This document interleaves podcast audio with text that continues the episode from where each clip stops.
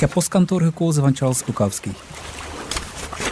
Het boek gaat over zuipen, gokken en het verknallen met vrouwen. Als we allemaal wat minder ons best zouden doen in het leven, is de kans groot dat het daarop uitdraait. Het hoofdpersonage uh, wordt haast per ongeluk postbode.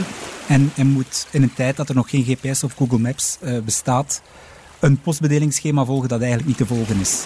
En om de ellende te vergeten die daarmee gepaard gaat, zet hij het op een zuipen gaat hij gokken op de paarden en begint hij ja, te flikvlooien met allerhande vrouwen. Op het uh, vluchtige plezier namaken, die dingen het alleen maar erger. Ik heb met dit boek uh, heel vaak luid op moeten lachen en dat, dat overkomt me niet zo vaak bij literatuur. De eerste zin is: Het begon als een vergissing. Het is een heel korte openingszin, maar ik denk dat dat klopt voor heel veel dingen in het leven.